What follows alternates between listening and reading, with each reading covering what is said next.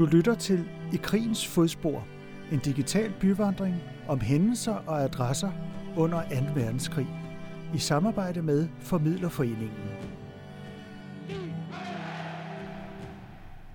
Vi er i Nordhavn, og øh, ligger bag ved os, og vi står nu her, hvor Southamptongade går ud i Aarhusgade, og Aarhusgade, det er vores mål. Vi skal længere op ad Aarhusgade. Den er meget lang, og vi skal over på den anden side af jernbanen. Når man nu står her og venter på, at man kan komme over vejen her, så kan man jo lige kigge til højre. Det kan være, at du kan se nogle mærkelige figurer, der hedder Tumlingerne. De laver Bjørn Nørgaard, og der står nogle bygninger derovre, det er PFA. Og der, hvor PFA, hovedkontoret, det ligger, der kan man lige spekulere på, at der har også ligget en fabrik, der blev saboteret tilbage i september 1943. Det var en fabrik, der hed Emmekes Maskinfabrik. Og de lavede faktisk også våben til tyskerne. Og ikke helt uskyldige våben, det var landminer. Øh, så der er altså andre firmaer end øh, som laver våben til tyskerne. Og faktisk lige over på det modsatte hjørne, det over ved Sundkorsvej, der har der også foregået en sabotage i 44, den 21. juni 44, der lå et firma, der hed Aktieselskabet Brunstedt og Petersens Maskinfabrik. De lavede små udstødningsrør til tyske flyvemaskiner. Og øh, dem blev altså også sprunget i luften. Og det, der er lidt sjovt ved den der sabotage, det er, at det er faktisk ikke BOPA, øh, der står for det. Det er Holger Danske, der øh, er, er hovedmændene bag det her. Så Holger Danske er altså også gode til at, at springe ting i luften i det her område, om end det er BOPA, der er kongerne i at sabotere hernede i Nordhavn. Men når du er kommet over vejen, så går du under viadukten, og så kommer vi op af Aarhusgade, og vi skal op mod Strandboulevarden. Og når man kommer op til Strandboulevarden, så kan man se en benzinstation, der ligger lige overfor. Det er den vej, vi skal.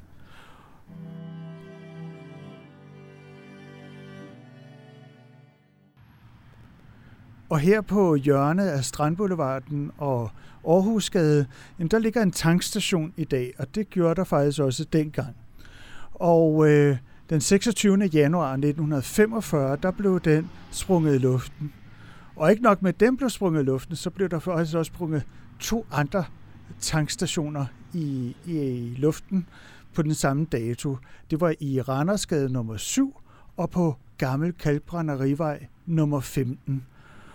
Og grunden til, at de blev sprunget i luften, det var jo nok for at kunne ødelægge noget logistik i, øh, i de her sidste desperate måneder, hvor tyskerne rykkede rundt, og der kom mange øh, tropper ind, og flygtninge, og en masse ting, der skulle flyttes rundt på. Fordi benzin, det var rationeret. Og sådan havde det været igennem hele krigen. Faktisk begynder benzinrationeringen allerede i 1939 i Danmark. Så man skulle være kreativ for at få sin bil til at køre. Og øh, nogle de spændte simpelthen heste for øh, bilerne, eller fik gang i gamle hestevogne igen. Men man kunne også få sine biler til at køre ved hjælp af en gasgenerator. Og det var faktisk tre, man brændte af. I tre, øh, når man brænder det af, der er der gas, og det kan man altså få en motor til at køre på. Og så var der jo benziner, der faktisk, eller biler, der kunne køre på både benzin og på en gasgenerator, øh, så man kunne veksle imellem dem. Og nogen havde mere brug for benzin end andre. Det kunne være læger og dyrlæger, ambulancer, øh, politi og der, den slags øh, vigtige funktioner, de havde brug for benzin. Så, så de havde øh, mere adgang til benzin end andre og, øh, og selvfølgelig tyske køretøjer. Og hvis man hørte en benzinbil komme kørende, jamen så kunne det være godt være, at man skulle passe på, hvis man var modstandsmand, fordi så kunne det godt være Gestapo, der var øh, der kom kørende, mens øh, en, en, en gasgenerator, den kunne måske være, øh, lyden af sådan en, den kunne være mere sikker at have mere at gøre. Så øh, det var svært der i i 26. januar, hvis man skulle have noget benzin her på Østerbro, så, så måtte man altså lige vente til, der kom lidt øh, styr på den del.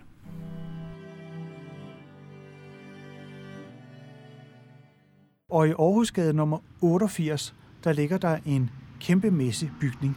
Det er Hans Justs vinlager, øh, og bygningen er så stor, fordi den er blevet bygget på et tidspunkt, hvor det her Hans Just firma, som var et, et, et spritfirma, som også stod for vinimport, de, øh, de håbede på, at der ville komme et, øh, et spritmonopol i, i Danmark, ligesom man fik over i Sverige, hvor man har systembolager og sådan noget.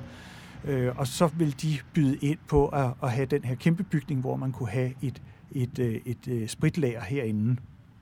Sådan kom historien så ikke til at, at, at udfolde sig, men de fik bygget bygningen, og det var så noget større til til det, de havde brug for, så de lejede bygningen ud til andre virksomheder, og sådan er det faktisk stadigvæk den dag i dag. Hans Just eksisterer stadigvæk, og bygningen har også med en masse andre folk, der, der arbejder derinde, andre virksomheder.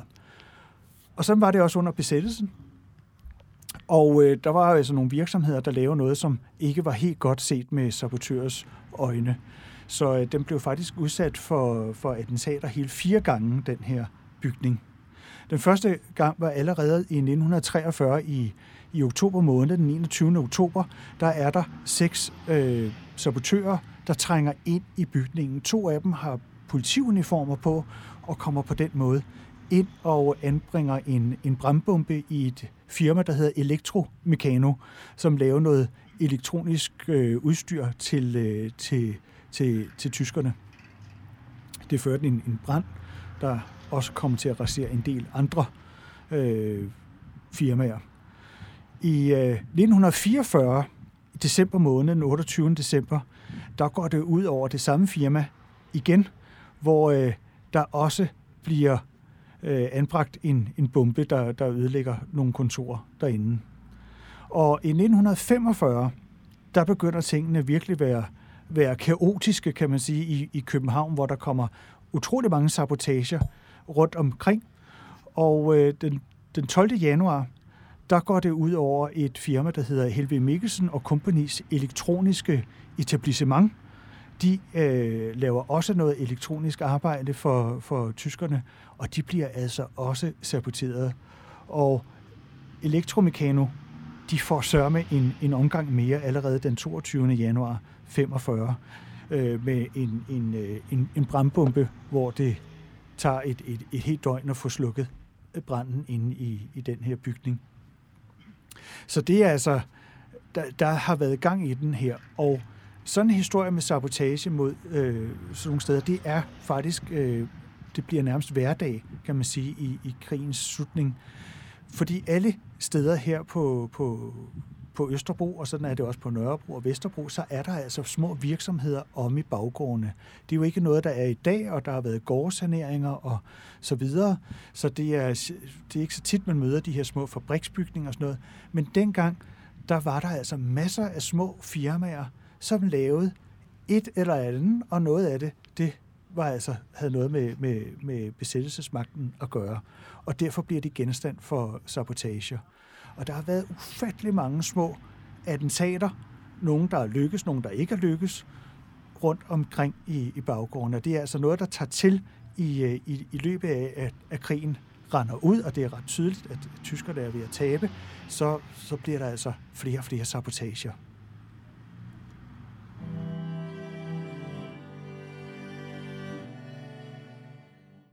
Hvis du kommer ned af Vordingborgade på Østerbro, så vil du komme ned til nummer 19 og finde en mindeplade, der er sat op for kaptajn Christian Michael Rotbøl. Rotbøl, han er blevet dræbt her i den her bygning øh, oppe på 5. sal, og øh, det er en, en dramatisk nedskydning af ham. Og hvorfor bliver han dræbt her? Jamen, han er engelsk agent. Han er øh, dansker. Han, øh, han er fra Jylland. Han er fra Børlum Kloster, øh, hvor hans forældre øh, boede. Men øh, han er kommet til England, og han er blevet optaget i SOE-agenter, som englænderne træner. Øh, der er mange forskellige nationaliteter, som man så sender ind i de besatte lande for at kunne øh, holde øje med tyskerne, spionere på dem, og også for at opbygge modstandsgrupper. I 1942, den 17. april, der bliver han kastet ned sammen med et par andre øh, danske agenter, og de skal altså ind og prøve at bygge nogle modstandsgrupper op. Det er svært. Det kommer de faktisk ikke særlig langt med. Det er en trist historie. Og hvad der måske er endnu mere trist og især tragisk, øh, specielt for, for, for Rotbøl, det er, at Rotbøl som leder af den her gruppe, han har været inde og have et, et hemmeligt møde med det danske politi, hvor man har snakket om, at hvis de er ude og fange de her øh, agenter, de så ikke skyder på dem. Og det vil Rotbøl så erfare, at, øh, at den bøn, eller den aftale, den bliver ikke overholdt. Han er her hjemme i sin lejlighed, og han har en, en radio, som han sender signaler med. Det er et arbejde, der bliver farligere og farligere. Der er flere agenter, der bliver fanget på det her. Men han, øh, og han er faktisk blevet advaret, at man synes, at han skal, han skal forlade og tage over til Sverige, og så komme tilbage til England den vej. Men han vælger at, at blive på sin post. Og han sender altså radiomeddelelser ud her, og tyskerne kører rundt med lyttevogne, hvor de så kan pejle sig ind på ham. Og de kan så se, at der sker altså noget her fra det her hus og oppe, øverst oppe fra. Tyskerne må på det her tidspunkt ikke gå ud og arrestere folk.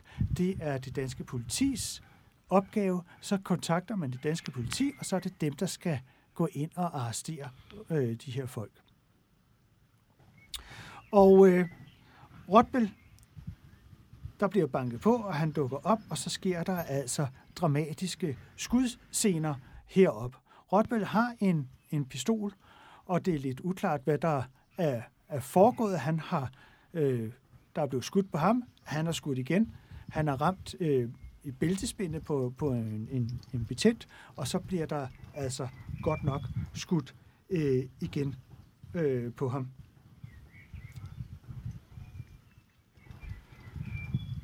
Og det ender med, at, at Rotbøl han får adskillige kugler i kroppen, øh, og obduktionen viser, at han faktisk er død, da han får et, øh, et skud bag øret ind i ved tændingen, som altså ligner en, en ren likvidering. Det er ikke nogen øh, særlig god historie efterfølgende for det danske politi, men lige i det øjeblik, der synes man faktisk, at det er en, en heldig indsats, og politimanden, der har givet det dræbende skud, får faktisk en, en bonus tilbage på, på politigården for at have reageret øh, hurtigt og konsekvent over for, for, for den her engelske agent. Over i Jylland, der øh, ser tingene noget anderledes ud. På Børlum Kloster går familien i sorg med nyheden om, at øh, deres søn Rotbøl er blevet likvideret i København. Og man sætter møllen, den store, flotte hollandske mølle, man har ved klostret, den sætter man i en korsposition, som er en måde at vise sorg øh, ved hjælp af, af møllerne.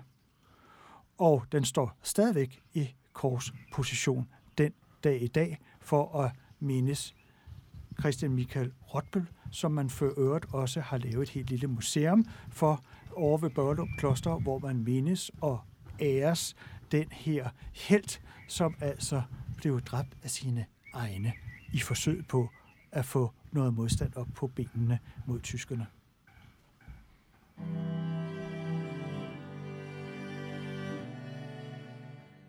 Fra Nordre Frihåndsgade, der kan man gå op af Randersgade.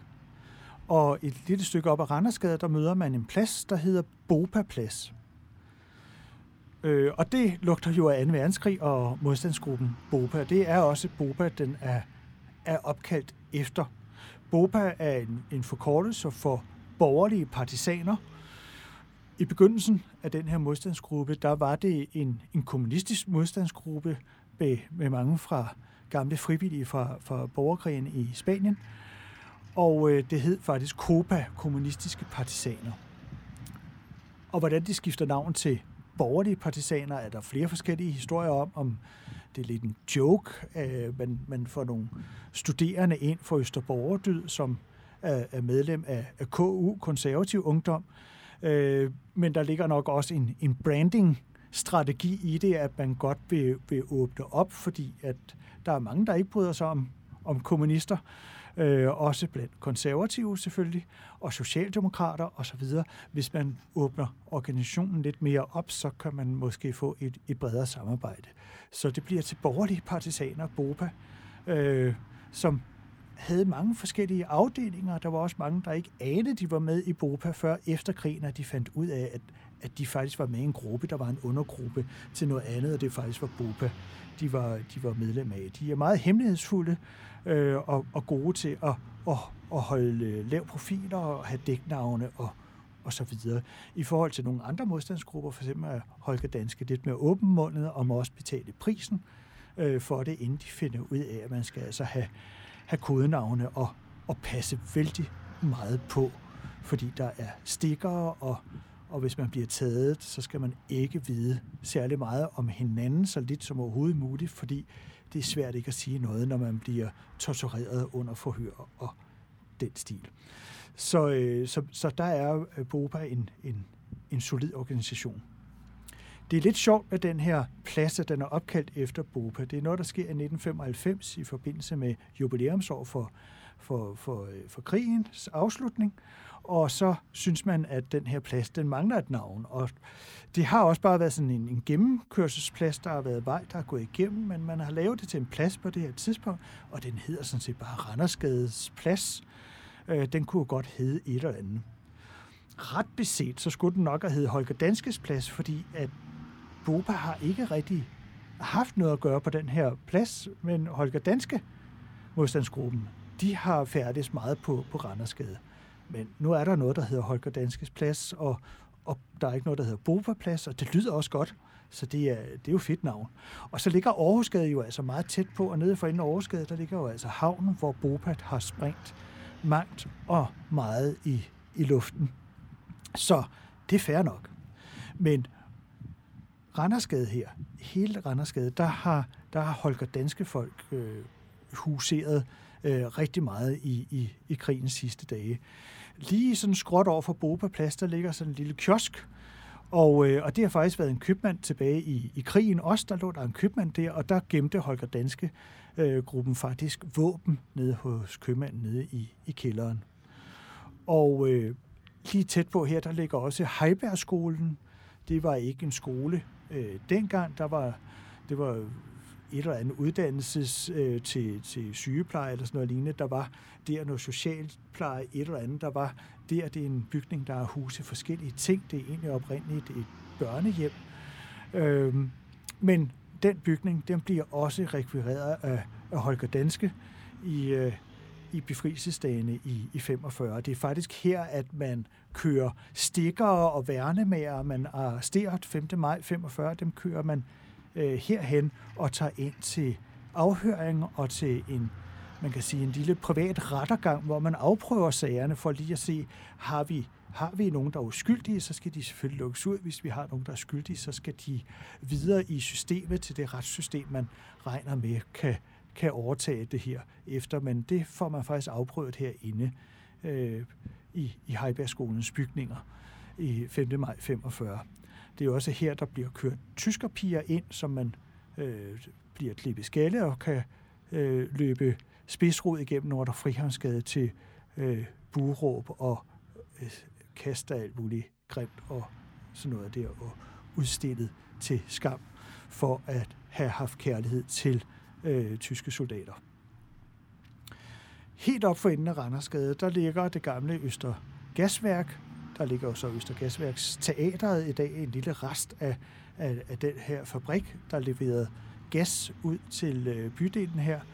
Og der øh, huserede øh, Holger Danske også. Der var arbejdere med der, og der var også gode steder, man kunne gemme våben og så videre. Og i befrielsesdagene var det også et, et, øh, et samlingspunkt, hvor man kunne samle tropperne og uddelegere opgaver deroppe fra. Så der har altså øh, været rigtig mange Holger Danske folk igennem øh, Randersgade. De har altså haft nogle, nogle, nogle punkter på, på den her gade. Men altså, det er her, man finder Bopa Plads.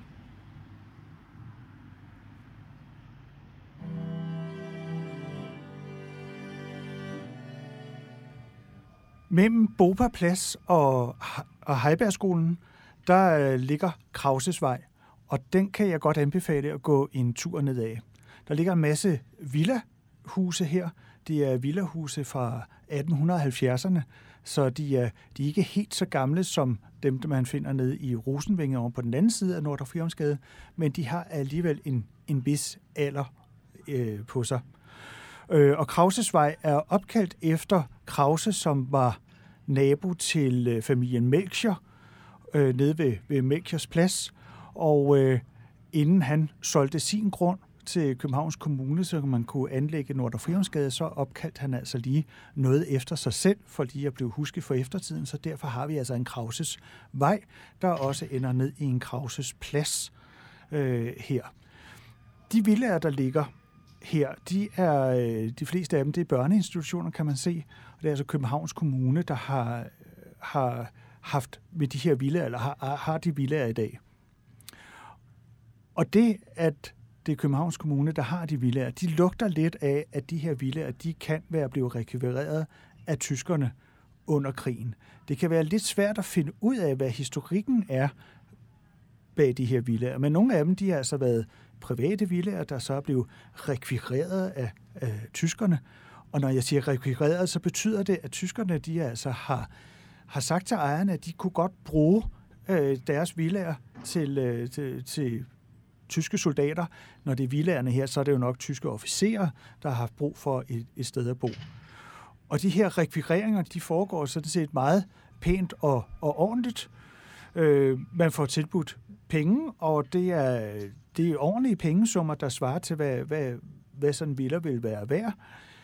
Men dem, der siger nej til besættelsesmagten om, om det her, der kan man godt mærke, at der er ikke noget valg i det her. Så bliver bissen altså skruet på, og så, så har man altså bare taget imod det her tilbud øh, og, og flytte ud. Og der sker altså en, en del, der er en del af de her villager på, på Østerbro især, som, øh, som tyskerne altså overtager.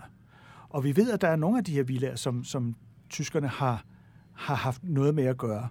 Øh, men, men det kan være lidt svært at finde ud af i, i protokollerne, hvad, hvad, hvem der egentlig er boet der, og hvad det er, der er, er foregået her. Øh, men det, er, det lugter jo lidt af, når nogle af de her villager, de er jo altså øh, er gået, overgået til Københavns Kommune bagefter, at, øh, at, at der er foregået noget under krigen, at det er skifte fra at være private hænder til at komme over i noget, noget offentligt noget, hvor familier enten ikke har vil tilbage i deres villager, eller øh, har fundet et andet sted, eller er forsvundet, eller noget helt andet. Men det kan man jo øh, spekulere over, når man øh, går en tur ned af, af det her. Det er et dejligt kvarter at gå en tur ned af, og herfra kan man komme ned til, til både Nordre Frihavnsgade på, på højre side, og over mod Aarhusgade på venstre side.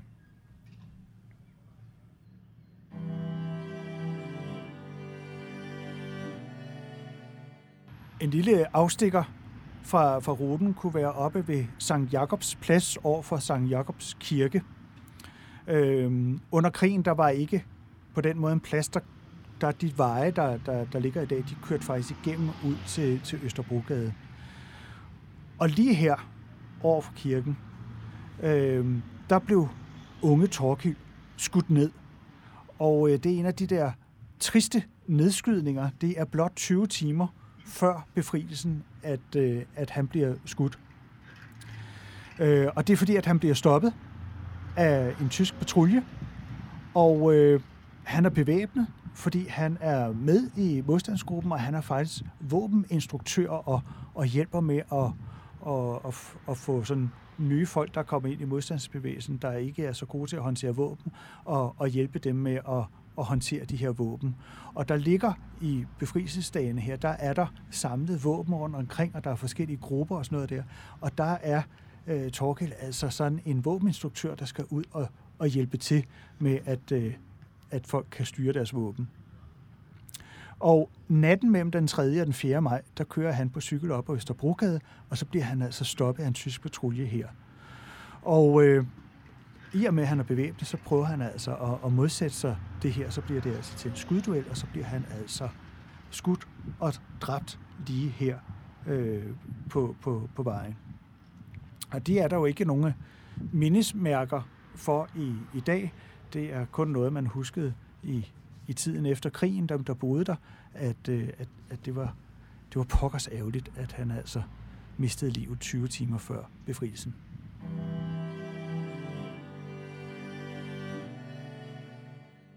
Hvis du nu går over til øh, det, der hedder Gunnar Nu Hansens plads, det er lige over for svømmehallen, så øh, er, er svømmehallen og, og alle de bygninger, der ligger herover, det er en del af et kæmpestort idrætsanlæg. Og helt centralt i idrætsanlægget, der ligger idrætshuset, øh, som ligger op ved, ved parkeringspladserne. Så hvis du går op til idrætshuset, som er en fin murstensbygning, den er fra 1914, øh, så er den interessant at kigge på. Og det er ret sjovt at bare lige åbne døren ind til forjen, bare lige gå ind og kigge til venstre en gang. Der er der nemlig en mindeplade, øh, hvor der står på at øh, leg blev til idræt, og idræt blev til død 1940 til 1945. Det er sådan en pussyplade, fordi den siger egentlig ikke rigtigt noget, men den, øh, den prøver måske at fortælle noget om noget modstandskamp. Det er i hvert fald det, den prøver på at signalere. Det er det, den skal prøve at signalere i hvert fald. Og det er fordi, at øh, Dansk Idrætsforbund har stået i en lidt penibel situation omkring samarbejdet med, øh, med, med Tyskland. Man havde et stort sportssamarbejde med, med Tyskland, og var øh, fascineret af sport på samme måde, som, som tyskerne var. Og øh, der var heller ikke et øje tørt i 1936, da der blev holdt OL i Berlin, som er en helt store måde at, at vise øh, det fantastiske Nazi-Tyskland frem til omverdenen på, hvor fantastisk det hele er øh, så, så er man jo helt med på det at sende sportsudøvere til og, og så videre. Og det er også fordi, at man fra Dansk Idrætsforbund, der, der siger man, at, øh, at øh, sport og politik, det hænger ikke sammen. Det er noget meget forskelligt. Men det var det altså ikke i Tyskland. Der hang alting ind. Der var alting politiseret.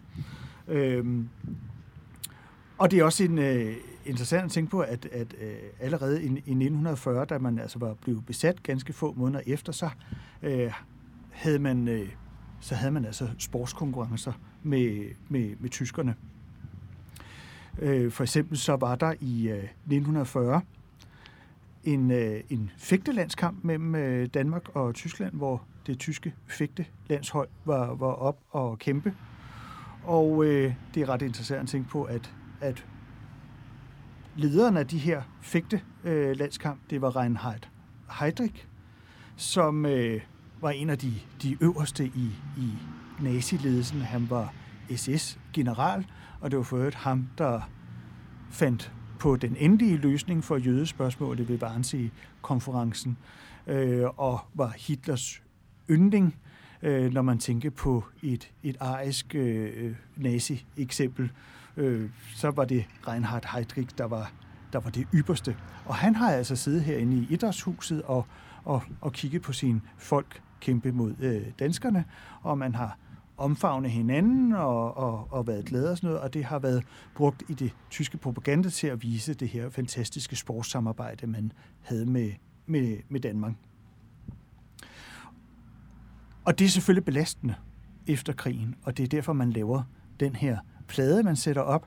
Man kan jo ikke rigtig bryste sig af, at man har været med i modstandskampen, men man prøver altså på at lave et andet. Og jeg kan ikke lade være med at tænke på, at den her plade, den, den kunne man jo også have sat op, hvis tyskerne havde vundet krigen. Så kunne man også have sat den op. Øh, den, den kunne jo være fint øh, i hvilken som helst sammenhæng, hvem der nu end øh, vandt krigen. Og hvis du står uden for idrætshuset her og kigger lidt nærmere på det, så er der altså en, en sjov lille detalje. Den er altså blevet opført, den her bygning, mellem 1911 og 1914. Øh, 1914, så står den færdig, og, øh, og der er jo noget fint øh, billeder rundt omkring. Der er, der er nogle fine billeder af geværer og, og fægtekår og ting og sager oppe øverst. Men så er der altså også nogle sådan lidt mere grove billeder af det er små mursten, der er blevet sat op, der danner figurer. Man kan se, der er nogle herrer, der kommer marcherende med faner. Der er også nogle damer, der kommer marcherende med faner. Der er en lille hund oven købet, der har snedet sig ind øh, i det. Og man kan se nogen, der laver forskellige idrætsudøvelser øh, rundt omkring i det her. Og det er jo faktisk det, som vi i dag kalder for piktogrammer. Og hvis man slår piktogrammer op, så kan man læse en fin øh, Wikipedia-tekst om, om det, og der står, at øh, piktogrammer, det var så man først i de her sportsbegivenheder ved de olympiske lege i 1936 i Berlin. Og øh, så blev de videreudviklet i 1948, da man afholder det igen i London, og i 64 i Tokyo, der bruger man det også, men det bliver først rigtigt en integreret del af, af, af sportsverdenen ved OL i 1972 i München. Og det er jo egentlig meget sjovt, når vi nu kan se piktogrammer her på Idrætshuset, som er altså fra, fra 1914. Og så kan man jo så egentlig spekulere på, om, øh, om der egentlig har været nogle tyskere op og, og, og kigge på dem, inden, øh, inden øh, øh OL i Berlin øh, 1936 og blev inspireret af det. Det kan man jo spekulere på. Men inde i idrætsparken her, der bliver der jo også spillet fodbold, og der er det faktisk interessant at se, at, øh, at det der danske sindelag omkring den tyske besættelse, det får faktisk øh, fuld øh, afløb herinde om, hvad, hvad den sådan almindelige dansker måske egentlig forestiller sig om, omkring den her øh, besættelse. I, øh, I juni 1941, der kommer der et østrisk fodboldhold og, og skal spille mod et, et dansk hold. Og øh, Østrig er jo en del af, af Tyskland. Det blev lukket ind i Tyskland i, i 1938, og er selvfølgelig også nazistisk osv. Og, og øh, tyskerne har også en tanke om, at den her fodboldkamp, den skal også sådan være med til at cementere det, det gode samarbejde, man har øh, mellem Danmark og Tyskland.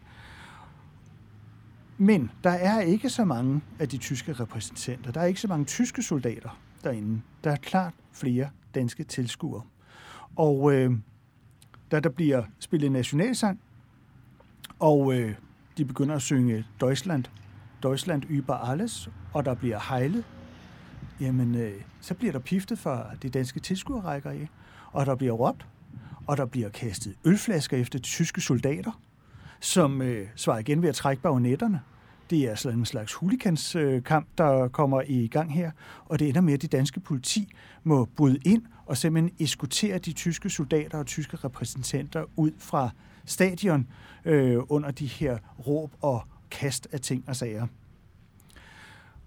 Og efter det, så synes tyskerne faktisk ikke, det var særlig interessant, øh, det propaganda, man kunne få ud af, af de her idrætskampe her. Så blev det nedtonet en, en del. Øh, så man kan sige, det er jo altså et tidligt tidspunkt, at der bliver vist modstand øh, på, og det sker altså til en fodboldkamp herinde i Idrætsparken.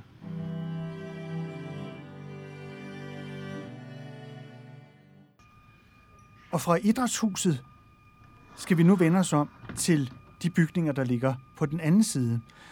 Der er nemlig en grund til, at, øh, at på Idrætshuset er der fægtekårer og geværer. Det er jo nogle sportsaktiviteter, og der er rigtig mange sportsaktiviteter, de stammer faktisk fra militæret dag. Det er meget sjovt at tænke på, ikke? Og det militær og sport, det hænger altså sammen. Så man kan godt have en naiv forestilling om, at politik og øh, idræt ikke hænger sammen, men, øh, men, men rent historisk, så er der rigtig meget sport, der kommer fra militæret dag. Og det er heller ikke helt øh, tilfældigt, at idrætsanlægget ligger her, og at de her bygninger over på den anden side, de ligger der. Det hænger nemlig sammen, og øh, de, de bygninger, der ligger over på den anden side, det er militærbygninger. Det er Garda Husar-kasernen. Og man kan jo rigtig nyde dem ved at øh, gå over på øh, Gunnar Nuhansens plads ind på Østerfældet Torv og gå ind af den der imponerende port, der er der. Og så kan man jo godt se, at, øh, at det her det er altså gamle bygninger, og øh, helt nede for enden, så kan man godt se, at der kommer nogle, nogle nye bygninger. Øh, mange af butikkerne, der ligger herinde på, på Østerfældetorv, de ligger i, i de her gamle bygninger. Det er altså gamle kasernebygninger for gardehusarerne. De flyttede ind her i, i 1898, der rykkede man rundt på mange militære institutioner. De kom ind for Tolbodvej, og så blev de altså rykket ud her i, i nye faciliteter, og med idrætsparken ved siden af. Og det hele, det var oprindeligt en del af, af den Østerfælde, og der havde militæret også sin gang i, igennem mange år, øh, hvor de har lavet øh, øvelser herude og, og haft deres heste, der har græsset herude. Så det er jo meget naturligt at lægge gardosarne med deres heste herud. Og når du går ind af Østerfældet Torv, så kan du altså se de her fine øh, bygninger, og øh, forestil dig, at soldaterne de altså levet herinde. Og det gjorde de lige til tyskerne kom i 1940. Fordi da de kom, så skulle man jo til at leve i en, i en sameksistens med tyske soldater. Det betød også, at man blev nødt til at rykke lidt rundt på kasernerne. Og for gardehusarerne i København, så blev det helt katastrofalt, fordi de kom aldrig nogensinde tilbage til deres kaserne igen. De blev rykket videre til Næstved, og øh, der er de så ført bade i rigtig mange år, indtil de for, jeg tror det er en 20 år siden, der blev de rykket til, til, til Slagelse.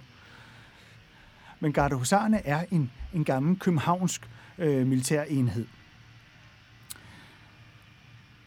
Tyskerne de kom så til at ligge herinde i, i, i den her kaserne og, og bruge det her. Og det var de altså indtil øh, den 5. maj 45, der pakkede de så sammen. De havde ført efterlod det her i et, i et frygtelig moras. Der var simpelthen øh, skrald og alt muligt over det hele, så der skulle ryddes op. Og efter det, jamen, så rykkede modstandsfolk ind, og så brugte man det faktisk som en, en base for, for modstandsbevægelsen. Og øh, så er der så forskellige militærkompanier, der har været her, men aldrig nogensinde øh, gardehusarerne.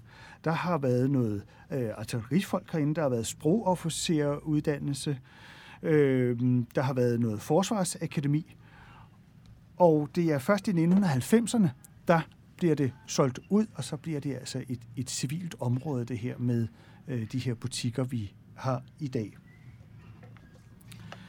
En sjov lille øh, detalje, det er de der store, flotte lygter, der står oppe ved indgangsporten her ind til den gamle kaserne.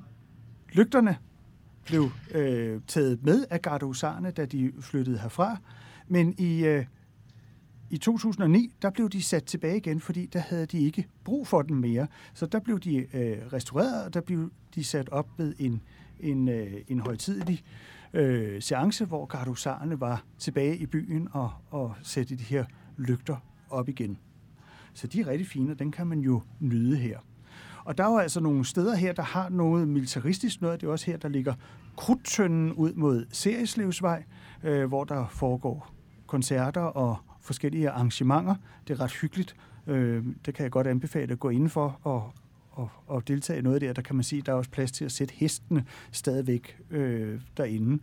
Og der ligger teater herinde i, i, i området.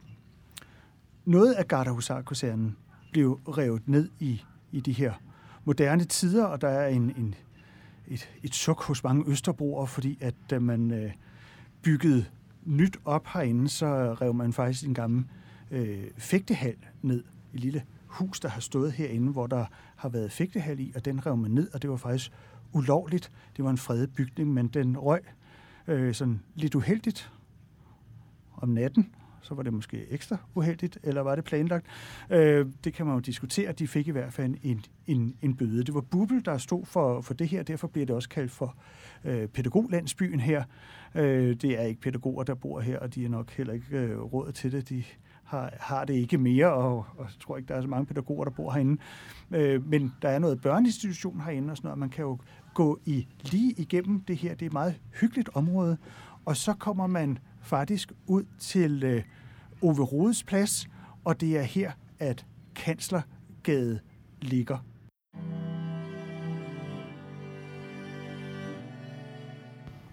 Og nu er du kommet fra Østerfældet Torv og er kommet til Ove Rodes plads. Og det er herinde, at Torvald Stavning, han boede, og det var her, at det berømte kanslergade forlig, det øh, blev lavet i, i 1933. Hvis du skal finde den opgang, hvor, hvor det foregik det her kanslergade forlig, det kan godt være lidt besværligt, fordi du skal faktisk hen til det, der hedder Ove Rodes plads. Og det er Ove Rodes plads nummer, nummer et. Der ligger det, som engang var kanslergade nummer 10. Øhm, det er fordi pladsen er kommet til senere, og, og så har det altså skiftet navn her. Men det er lige her i den der opgang, der ligger ud til Ove Rodes plads. Det var kanslergade nummer 10, og heroppe på, på øh, tredje sal, der boede Torvald Stavning, og det var der kanslergade forlidet det foregik i 1933. Og det her skrev sig ind i historien, øh, som også har noget med 2. verdenskrig at gøre, fordi det var på den samme dato, som øh, at Hitler han fik magten i Tyskland, hvor man valgte ham til at være storkansler.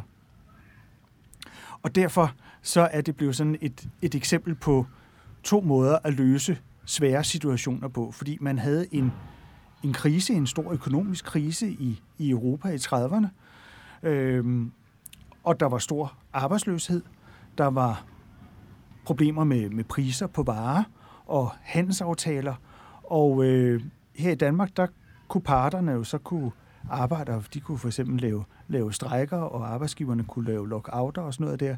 Men her, der ville Torvild Stavning godt have, at staten faktisk gik ind og, og styrede de her ellers meget frie processer, og faktisk forbyde øh, strejker og lockouter i et, i et års tid, og prøve at få, få, få styr på tingene på, på andre måder, hvor staten altså ville gå ind og bestemme en, en del mere, end hvad der ellers var øh, normalt.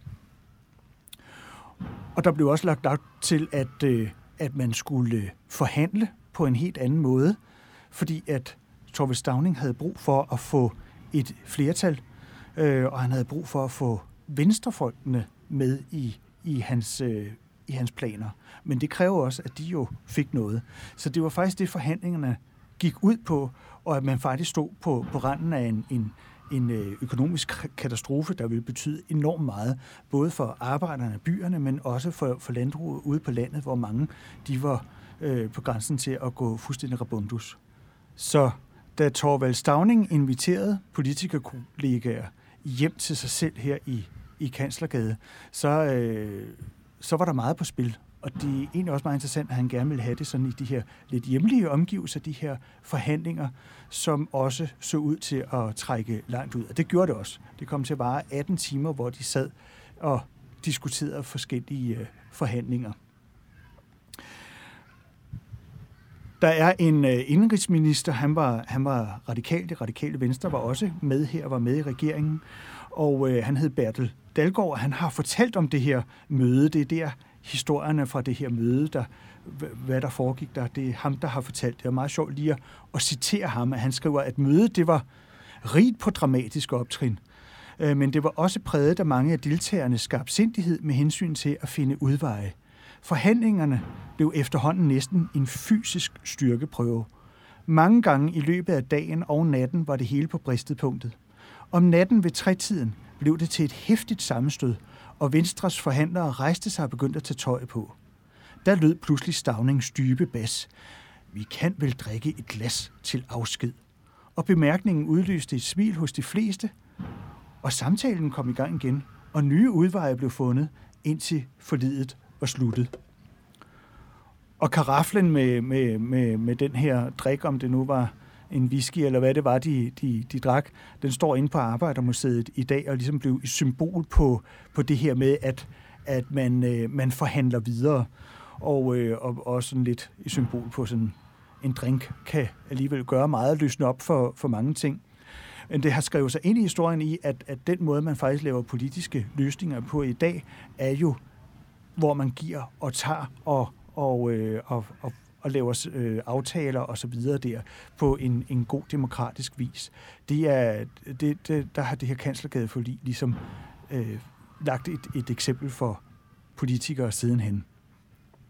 Og der er det jo interessant, at den samme dato, som, som de bliver enige om de her forhandlinger og får forligene sat på plads og får lavet en, en plan for, hvordan man kan, kan redde Danmarks økonomi og, og handel og så videre med, med englænderne især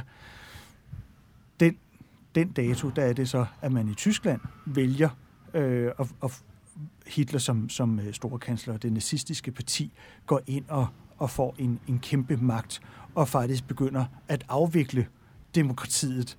Øh, det er jo en helt anden løsning, man har der på nogle problemer, som også er enormt alvorlige dernede. Men det er også et nyt demokrati, kan man sige, i Tyskland.